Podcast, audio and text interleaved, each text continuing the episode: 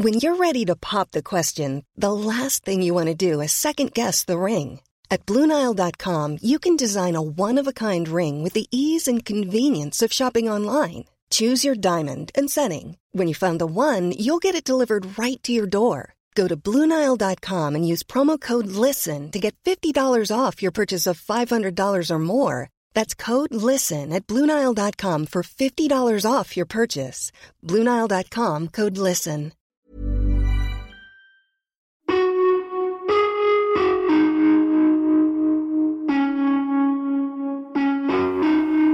Jag bara fick känslan att detta är Malmös Kim Wall som vi upplever här. Hon har råkat lita på fel människa. Vilket är fruktansvärt. I Malmö hittas två avlidna människor i en lägenhet i augusti 2021. Under hela utredningen så har det här ärendet i pressen seglat väldigt mycket under radarn. Utan detta har bara blivit som det var i den första notisen. Två döda anträffade i en lägenhet. Två personer hittades igår döda i en lägenhet i centrala Malmö. Och det bedöms som ett mord och ett dödsfall. Ingen utomstående är misstänkt. Polisen tror först att det som skett inne i den låsta lägenheten är något som utspelats enbart mellan de två döda. Men det visar sig vara mer komplicerat än så. En person har anhållits misstänkt för medhjälp till mord efter att en man och en kvinna hittats döda i en lägenhet i Malmö. Och då får jag bara känslan att detta är inte alls vad vi trodde. När de båda hittades döda sa polisen att man inte letade efter någon utomstående gärningsman. Ändå har alltså nu en person anhållits, men mer om det vill åklagaren inte säga. För de anhöriga har det här fallet inneburit en enorm psykisk påfrestning. Jag, vi fick inte ihop det. En olycka, men då måste ju, det hade ju någon behövt informera oss, ringa oss eller komma förbi åtminstone. Jag är ju mamman. Och fallet drar ut på tiden. Jag kan förstå att det tar lång tid, men varför inte berätta för oss, ge oss åtminstone lite mer? Och det har ju snart nästan gått ett år nu utan att vi fått information om vad som har skett.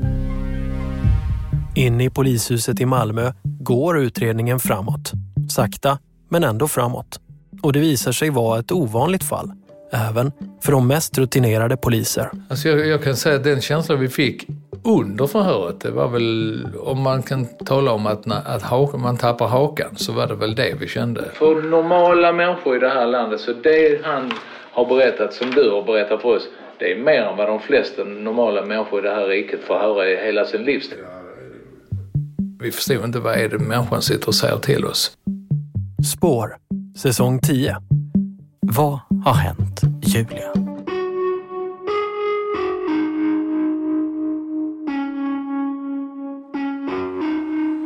Spår görs av Anton Berg och Martin Jonsson. I redaktionen finns också Maria Hansson Botin och Eva-Lisa Wallin. Just det här avsnittet släpper vi gratis för alla. Och tecknar du en prenumeration eller om du redan har en kan du lyssna på avsnitt två redan idag. Därefter släpps de en gång i veckan. Gå in på avsnittsbeskrivningen. Där ser du hur man gör för att teckna en prenumeration. Det här är avsnitt 1. En låst lägenhet i Malmö. Rättscentrum i Malmö. Polishuset, januari 2023. Eh, mitt namn är Mikael Östling. Jag eh, jobbar som utredare på eh, polisen i Malmö, avdelning grova brott. Och har jobbat här sedan 2017 och varit polis i 33 år. Mikael Östling, grova brott, Malmö. 33 år i yrket. Då har man sett det mesta. Ja, jag trodde det. Jo, men det, det kan jag nog tycka att det har jag gjort. Det har jag. Det, det ska mycket till för att jag ska förvånas. Ändå kändes det som att det var just det som hade hänt. Första gången jag pratade med Mikael om det här fallet. Det var nämligen han som tipsade mig. Och då hade han blivit just förvånad. Ja, eh, framför allt eh, i, i detta specifika ärende, framför allt för att jag tyckte att det blev en vinkling i detta ärendet så som om att här fanns två parter som mer eller mindre hade sig själv att skylla. Lite sådär underförstått att det här var en tragisk kärlekshistoria. Någonting hade gått snett. Ja, ungefär på den nivån. Men ju mer vi började lyfta på de olika bitarna så framkom något helt, helt annat. När de två kropparna hittas hösten 2021 råder det förundersökningssekretess. Och den enda information som konstaterats från polisen är Två döda anträffade i en lägenhet. Det är en kvinna och en man. Kvinnan heter Julia Augustin. Mannen kommer vi kalla Stefan. Så är läget när Spår tar kontakt med anhöriga. Stefans familj väljer att inte medverka. Det gör däremot Julias familj. Och det visar sig att de inte heller vet så mycket mer än att Julia dött in i lägenheten. Idag vet vi mycket mer än vad vi gjorde när vi började arbetet med den här säsongen. Och ni ska få vara med på hur det är att nysta upp ett sånt här fall och hur det kan vara att vara brottsoffer som inte får veta allt som polisen vet. Om några veckor hålls en rättegång i Malmö tingsrätt om det som har hänt i lägenheten. Vi ger er bakgrunden och berättar om vad rättegången ska handla om. Spår kommer också bevaka förhandlingen på plats och ni kommer få höra utgången av fallet när domen kommer senare i vår. Det här gör att den här säsongen även är speciell för oss som gör spår. Istället för att granska ett avslutat fall så följer vi nu en pågående utredning. Vi börjar hos de anhöriga till Julia Augustin. Och då är det våren 2022. Då har det gått nio månader sedan Julia hittades död. Vi är på väg till källaren. Jonas Gratzer går först. Här, i hans förråd, finns de. Hans sista minnen från hans syster. Här hennes målarsaker tror jag. Här, här någonstans. Här har vi lite hennes... Hon är väldigt konstnärligt begåvad. Så här har vi lite av hennes målarsaker. Julia hette alltså Augustin i efternamn. Hon var syster till Jonas och faster till hans två barn.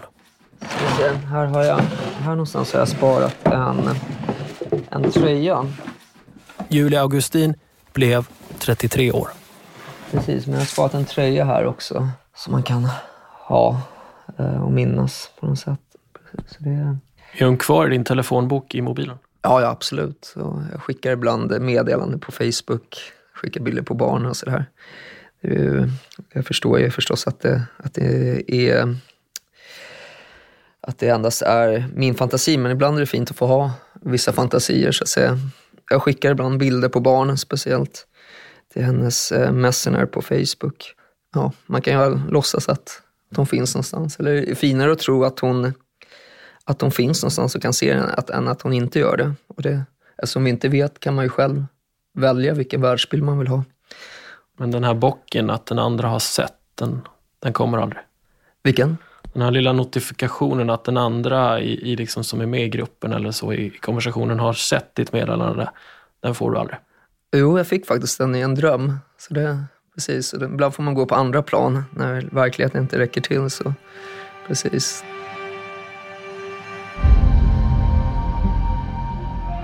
Jag heter Dorothea Augustin. Um, har varit tysk, är svensk nu. Kom hit för, ja vad kan det vara, 43 år sedan. Uh, så som de flesta, som jag har förstått, kommer hit. Uh, kärlek. Dorothea Augustin var Julias mamma. Anders, hennes pappa. Jag heter Anders Heldin, eh, pensionerad tapetserare och eh, före detta pappa till numera mördade Julia. Julia Augustin föds 1987. Men pappa Anders och mamma Dorothea lyckas inte hålla ihop sitt förhållande. Vi separerade och, och han kom ibland och träffade Julia och de första åren och sen så uh, blev det för mycket för honom. Och sen så hade jag ensam vårdnad. Det blir en bitvis tuff uppväxt för Julia och hennes bröder. Dorothea är ensamstående och kämpar med ekonomin. killarna, alltså mina söner, de har ju tyckt att ja, ja. Men Julia har alltid tyckt att herregud, varför kan du inte vara som alla andra mammor? som eh, klär sig på det här sättet, som, som ger sina barn det här och det här, köper sånt och sånt. Och hur, hur, hur kan du ge mig jeans som du har köpt i andra hand och sen bara sytt på att de kommer från eh, ett speciellt märke och sånt där. Så det har varit en rätt tuff tid och, och jag jobbade både på universitetet och på nätterna för att få ihop till att överleva. Um, var väldigt trött väldigt ofta, mycket. Vi växte upp under... Uh... Jonas Gratzer, Julias storebror. Han och Julia har samma mamma, men olika pappor. Ja, relativt tuffa förhållanden så att säga, så vi tydde oss till varandra när vi var små. Jag känner väl ett visst ansvar för henne redan som liten så att säga. Uh, hon tydde väl sig till mig som ja, som, jag var väl någon säkerhet eller en trygghet i hennes liv tror jag. Sommaren 2021, som kommer bli den sista i Julias liv, bor hon i Malmö. Hon är 33 år gammal och har en egen lägenhet. Hon och pappa Anders har återupptagit kontakten igen. Ja, jag hade inte särskilt mycket eh, kontakt med henne när hon var barn. Men eh, ju äldre hon blev, ju mer relation hade vi. Vi visste att vi fanns där för varandra. Vi behövde inte ringa varandra varje vecka. Jag kommer till Stockholm eh, 12 juni. Ja, men varför inte? Då syns vi då. Egentligen började den 21 augusti på morgonen. Då ringer ett telefonnummer medan jag är i duschen och när jag kommer tillbaka så ser jag att det är ett hemligt nummer jag försöker ringa tillbaka men inser ganska snabbt att det går ju inte. Det som har hänt under tiden är att de också ringde till Anders, Julias pappa. Jag fick ett samtal eh, lördagen den 21 augusti ifrån Malmö som sa att min dotter hade varit försvunnen och blivit anmäld försvunnen från sin arbetsplats där hon jobbade vikarie i kommunen i Malmö och, hon inte hade kommit till sitt jobb. Och då frågade de om, för det första om jag visste att om jag, man kunde söka henne på något ställe där jag hade möjlighet att... Men det sa jag, det vet jag inte alls. Och, kan vi då gå in i lägenheten? Då behövde jag ha ett okej okay från mig. Eh, och då sa jag, vad fan, jag gör det, gå in. Eh, eh och sen... Eh, och det var halv elva på förmiddagen. Den här lördagen i augusti 2021 finns även i tydligt minne hos Jonas Gratzer. Jag var på väg hem. Jag gick precis här utanför min, eh, min lägenhet. Bara några hundra meter bort med min dotter. Vi har varit hemma hos en vän som har köpt, hade köpt en villa och precis installerat en bubbelpool. Varit där och badat och haft en väldigt trevlig dag. Eh, så gick jag och min dotter och ringde min lillebror och sa att eh, Julia var försvunnen och polisen hade hört av sig till Julias pappa och att hon var försvunnen. Eh, och men det, det, var inget mer med det då så att säga. Utan jag ringde ju till, då kom jag hem och så ringde jag till polisen och sa att eh, ja, jag är Julias storebror och eh, om ni hittar Julia eller när ni finner henne så, så hör eh, av er till mig så att vi vet vad som händer. Så försökte jag få tag på Julia. Och till saken hör också att Julia kunde försvinna ett par dagar och hon var inte alltid så bra på att upprätthålla kontakt och så vidare. Så jag var inte speciellt orolig utan jag, jag tänkte att hon kanske bara ja, var borta ett par dagar. För det hade hänt tidigare så att säga. Ehm, men eh, så var inte fallet halv elva på kvällen så kommer det två civila poliser och knackar på hemma hos mig. Eh, och jag öppnar dörren och eh, jag hade, jag förstod nästan någonstans. För vissa människor försvinner ibland och kommer tillbaka och sådär. Men Julia var inte en sån människa. Så jag, först, jag, jag anade det värsta redan från början. Eh, jag sa, hon är död va? Ja, Jag är hemskt ledsen, sa de. Och sen sent på kvällen så ringer då Julias pappa till mig och berättar att Julia är död. Eh, då tänker jag direkt att hon har ja, begått självmord för att hon har haft eh, vissa episoder tidigare där hon har varit eh, deprimerad och då tänker jag att hon har ja, ja, men, tagit sitt liv. Eh, och då ringer jag till min lillebror Leo och säger att, han, eh, att vi måste åka till min mamma och berättar det. Så eh, jag packar ju min, min ryggsäck mitt i natten och ger mig av hemifrån eh, och lämnar kvar min fru och mina barn. Så eh, jag kommer hem till min, till min mamma klockan ett på natten eller sånt där och väcker henne och, ja, och ger beskedet om att Julia är, är, är död. Så mamma vaknar. Och så vaknar jag. Mamma, Julia är död. Men lägg av, säger jag. Alltså, det här är inte kul. Så här får man inte göra. Det är, alltså, jag tål mycket, men inte såna här vitsar. Nej, mamma. Hon är död. Det är på riktigt. Och jag kan bara inte ta in det för att jag tänker, varför skulle hon vara det? Hela världen sätts ju i gungning, så att säga. Det, men det som var igår är ju inte längre. Den, den, den punkten är ju, eh, är ju borta, så att säga. Och det måste ju börja bygga en ny värld. Självmord utesluten. Hon mådde jättebra. För Dorothée är självmord en omöjlig tanke. Trots att det var det första som dök upp i Jonas huvud när han fick beskedet om Julias död. Och båda har fog för sina känslor och tankar. För Julia har haft en tung period under 2021. Hon har varit djupt nere i en depression under årets början och sökt och fått hjälp för den. Hon har under våren mått allt bättre och relationen med familj och vänner är under våren och sommaren bättre än på länge. Hon hade äntligen hittat ja, en väg hur hon skulle, där hon skulle ta sitt liv, liv till något bättre.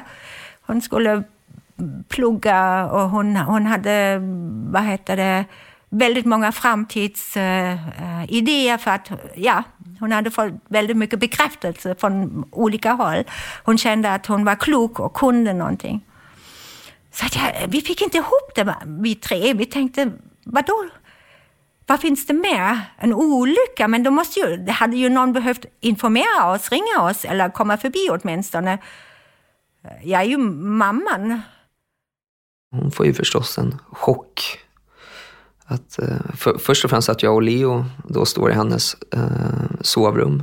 Vi har ju nycklarna dit. Eh, men, eh, ja, men sedan också att hennes dotter och vår syster är, eh, är död. Så att säga. Och det, det är ju ingenting egentligen vi ska behöva berätta anser jag. Utan det, det, det, det lämpar sig väl bättre att polisen skulle ha gjort det.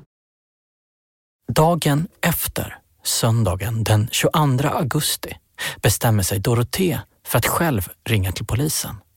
Hon måste få veta mer om hur hennes dotter Julia har dött. Jag vill först inte riktigt göra det, för att eh, när man får ett sånt besked så vill man ju låtsas att det inte är sant och, och bara ta, skjuta åt sidan. Men så ringde jag upp dem, polisen i Stockholm, och så sa de ja, nej, vi kan inte berätta någonting för dig och så nej, nej, nej, nej, här får du ett nummer, ring upp dem i Malmö. Ja, men ja, så ringde jag upp dem i Malmö så sa de, bekräftade de att Julia var död. Och så sa jag, men vänta, vad har hänt? Ja, det får vi ju egentligen inte berätta, men vi kanske kan göra ett undantag. Hon blev mördad. Dagen efter så ringer min lillebror, kanske 11 på morgonen eh, och säger att eh, sätt dig ner, eh, jag måste berätta en sak. Och så säger han att Julia har blivit mördad och då, då brister det totalt för mig. Jag tror jag skriker ut min sorg.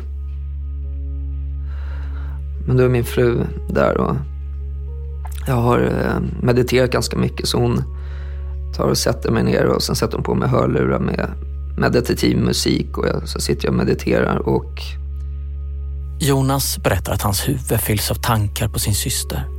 Någon annan har tagit hennes liv och han kan inte sluta tänka på hur det måste varit för Julia. Man kan ju bara föreställa sig hur paniken, jag menar, eh, de få detaljerna som jag fått reda på och byggt upp en bild av målar ju upp en väldigt makaber bild av hela skeendet. Och, och, liksom, och någonstans så sätter man sig in i, om man varit så nära en person, så sätter man sig in och tänker vad den personen måste upplevt och känt de sista timmarna i livet och liksom vilka tankar som for genom huvudet. Var de mördad?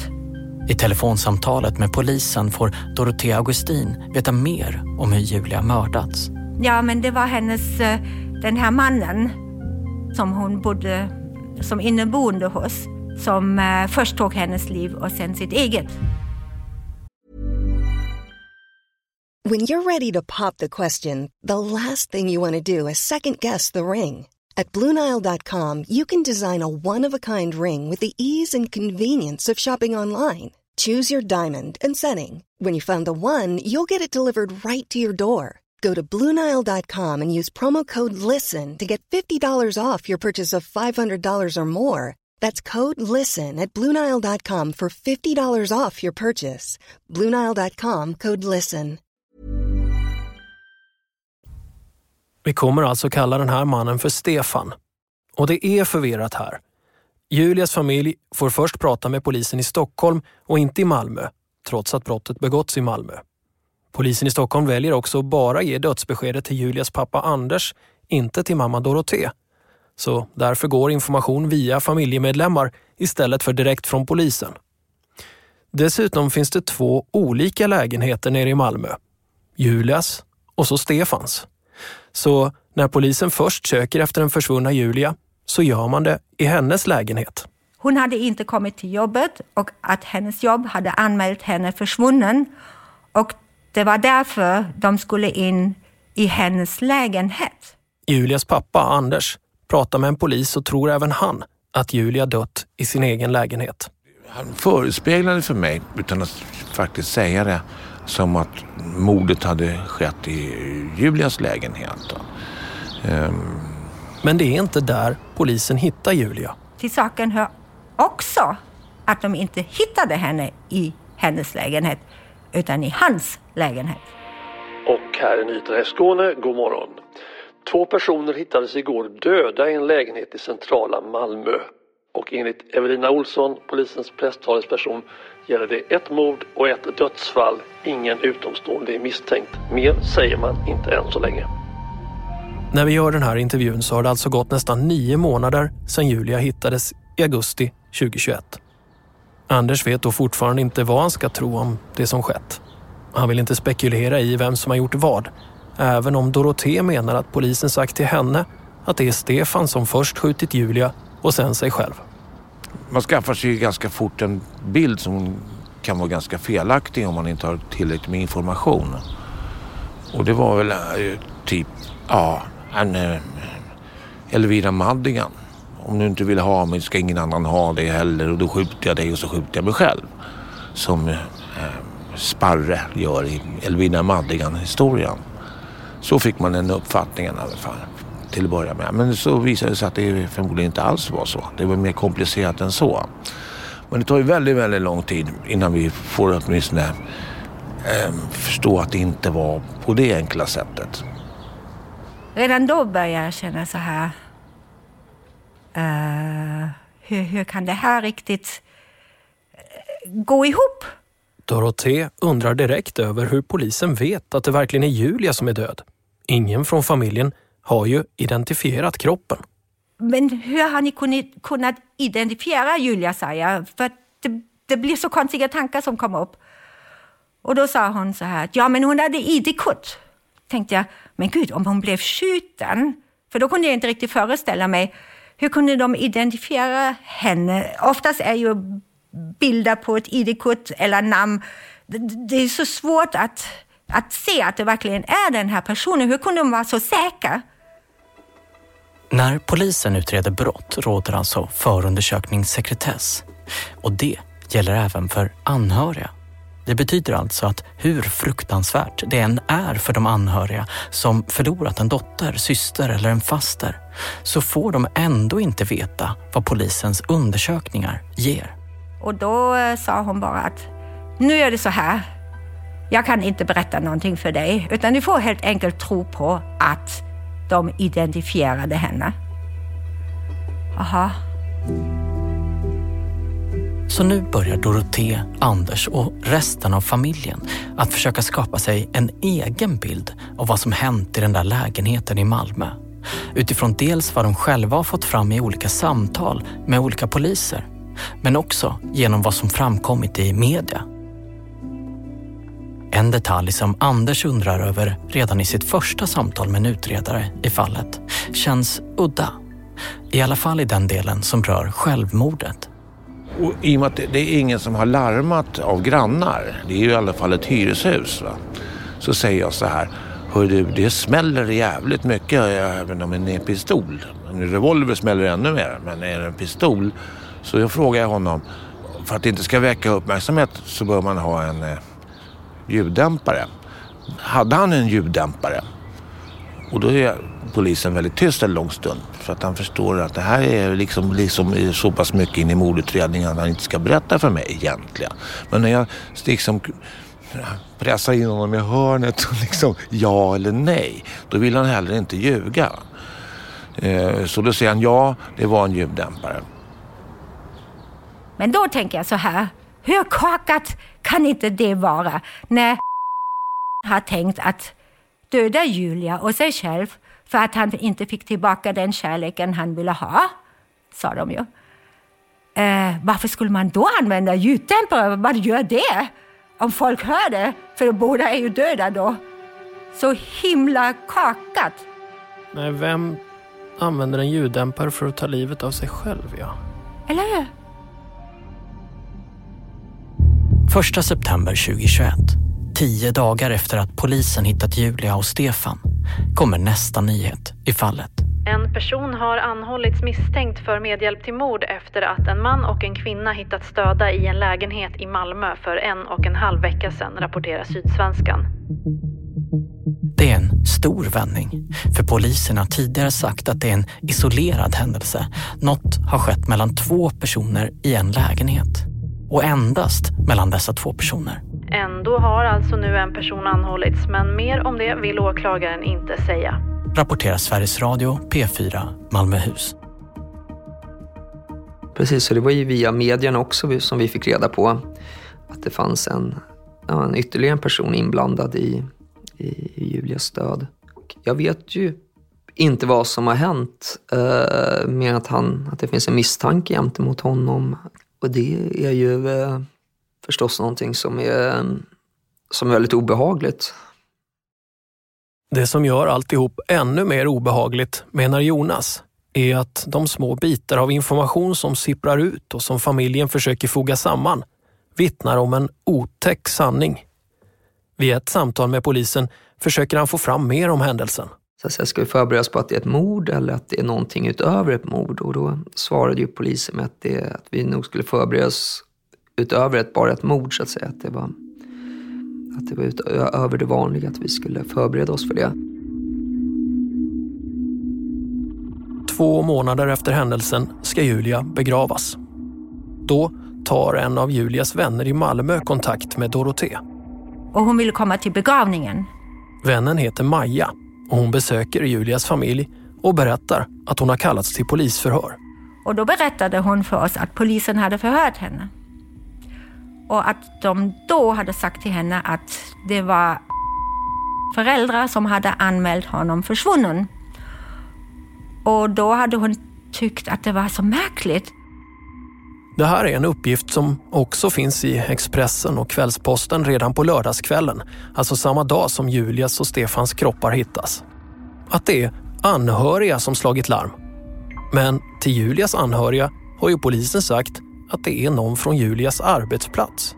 Här hade vi två olika historier helt plötsligt. Och dessutom så hade de visat henne en bild, en bild och frågat henne om hon visste om, eh, om hon hade sett um, krokar ovanför Julias madrass där hon brukade sova i det rummet. Och då hade den här tjejen sagt att nej, nej. Men hon beskrev att det satt sådana här skruvade krokar och på dem fanns det kvar band.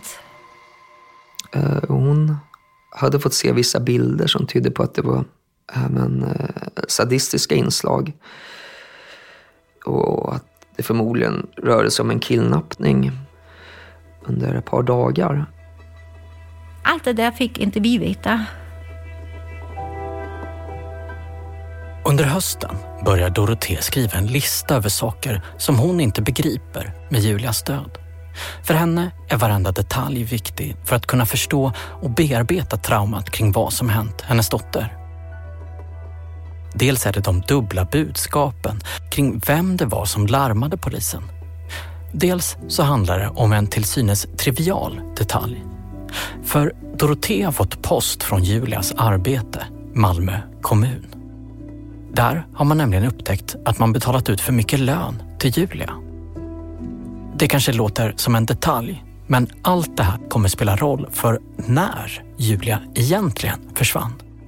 För beroende på när hon försvinner från jobbet så kan Julia varit olika länge i lägenheten där hon sen hittas död.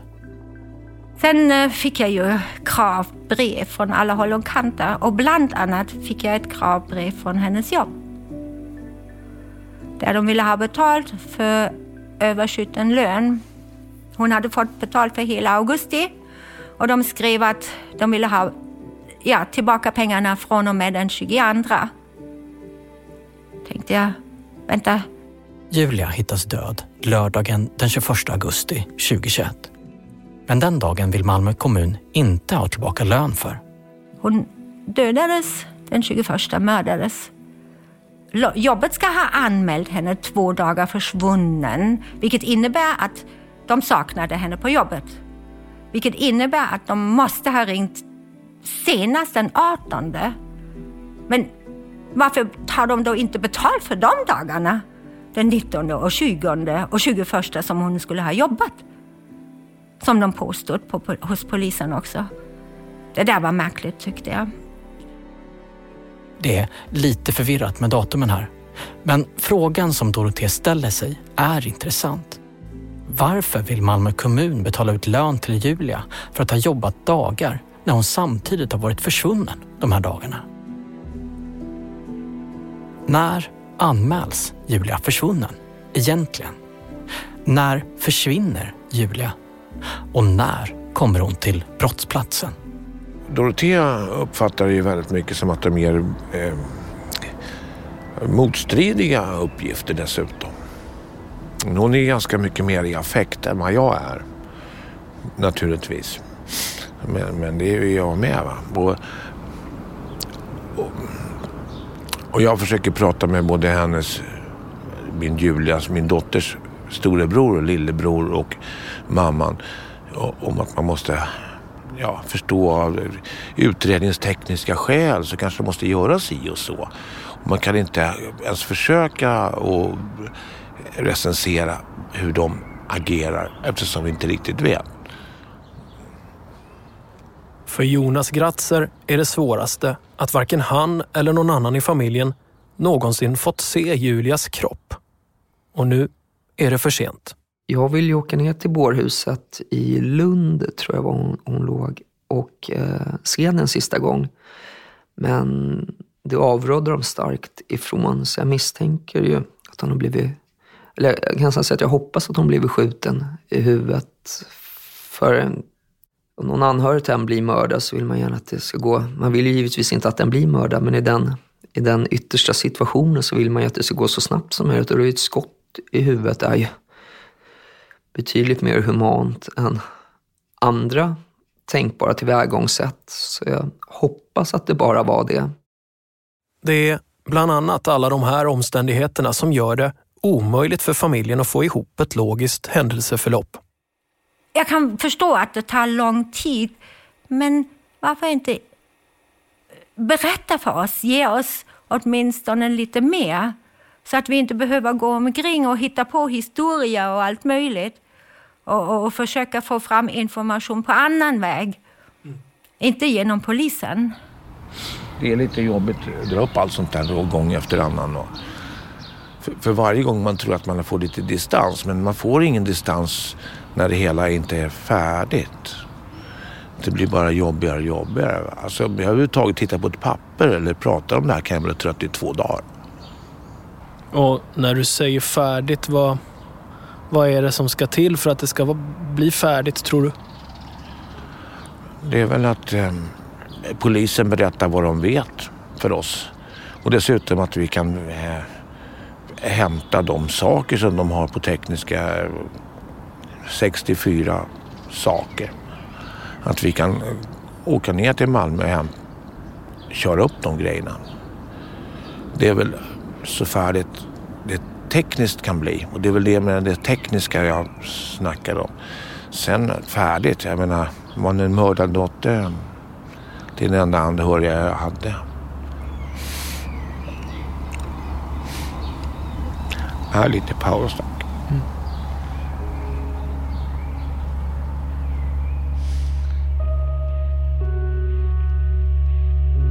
Det har ju snart nästan gått ett år nu utan att vi fått information om vad som har skett.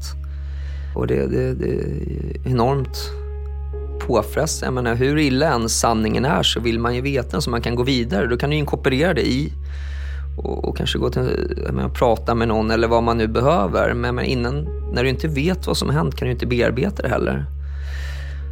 Man vet bara att det är något fruktansvärt som har hänt, och, men inte vad. Utan det, det är förtiget i det, i, det, i det dolda, i det tysta. Så här är läget våren 2022 när Spår träffar Jonas, Anders och Dorothée. Det har gått nio månader och familjens frustration över att sakna svar är uppenbar. Det är därför de vill att Spår ska ta upp deras fall.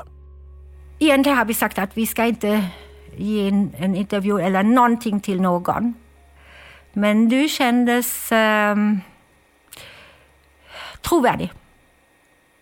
Och du kommer också vara den enda, har vi redan bestämt. Ingen annan. Inte Aftonbladet, inget sånt. Um, för från början var vi helt strikt emot. Och du kanske kan hjälpa oss i den här situationen. Så. Och vad vill ni ha hjälp med? Ta reda på vad som hände Julia? Ja, exakt. Ja, jag kan inte lova någonting, men jag, är, Nej. Jag vill också veta. Exakt. Och det är det jag litar på. Mm. Tack för förtroendet. Ja. Eh, men eh, ja, och vi får se vad, vad som... Hur det, hur, hur det går liksom. Jag kan inte lova någonting som, som sagt. Och, ja. Eh, men jag blir nyfiken också på vad det är som har hänt i det där rummet.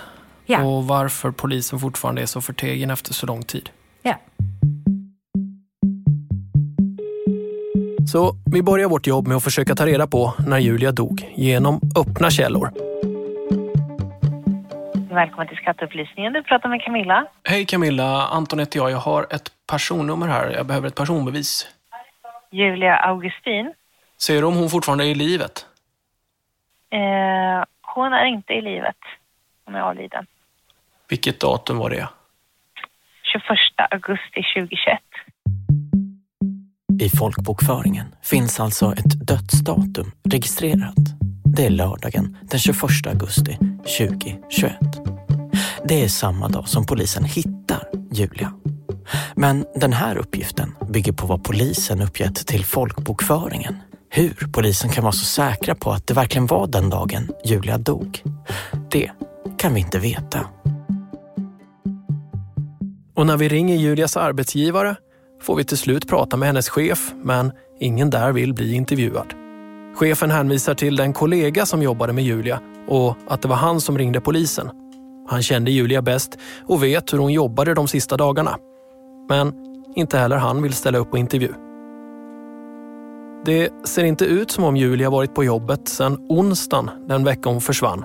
Alltså tre dagar innan lördagen som hon hittas död. Men det är bara vad arbetsschemat visar och det hände att det inte stämde. Att Julia ändå får lön för dagar mellan onsdag och lördag, det verkar vara en grej man gör för att vara schysst eftersom läget är så oklart. Bästa ledtråd kring fallet och de människor som det rör, det verkar istället vara Maja. Den vän till Julia som varit på polisförhör och som kom på begravningen. Hon har jobbat med Julia på en annan arbetsplats. Alltså vi eh, började jobba på samma ställe samtidigt. Det är en båt och de ligger liksom så 200 år back i tiden och så här kvinnosyn och sånt. Och vi var inte så många tjejer då så vi blev bara kompisar snabbt liksom. Den här arbetsplatsen, en Tysklandsfärja, kommer visa sig vara central för den här historien. För här jobbade förutom Julia och Maja även Stefan och så den man som anhölls för medhjälp den första september. Ja, gemensam nämnare är båten. Mm. Mikael Östling, polisutredaren vi senare kommer prata med, benämner då båten på det här viset. Dödens fartyg eller något liknande för att det, det kändes som att alla där skulle kunna vara potentiella offer.